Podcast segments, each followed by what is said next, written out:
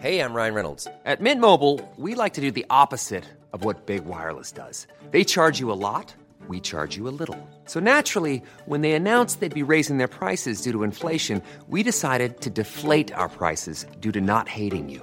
That's right. We're cutting the price of Mint Unlimited from $30 a month to just $15 a month. Give it a try at mintmobile.com slash switch. $45 upfront for three months plus taxes and fees. Promo rate for new customers for limited time. Unlimited more than 40 gigabytes per month. Slows. Full terms at mintmobile.com.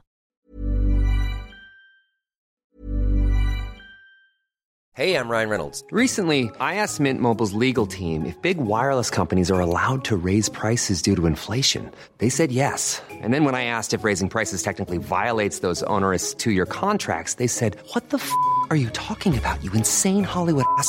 So to recap, we're cutting the price of Mint Unlimited from $30 a month to just $15 a month. Give it a try at mintmobile.com slash switch. $45 upfront for three months plus taxes and fees. Promo for new customers for limited time. Unlimited more than 40 gigabytes per month. Slows. Full terms at mintmobile.com. Da har vi akkurat spilt inn en ny episode av Aftenpodden USA, og denne uka så snakker vi om den republikanske kampen om å bli eh, partiets neste presidentkandidat, og om feltet bak de to store favorittene, eh, Ron DeSantis og Donald Trump. Og der rører det seg mye interessant om dagen. Ja.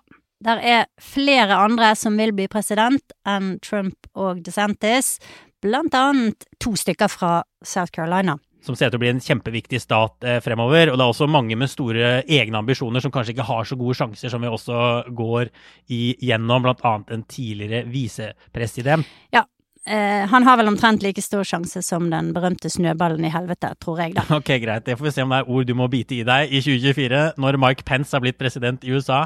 Men, men, men denne episoden finnes i hvert fall eh, i Aftenposten-appen og hos Podme.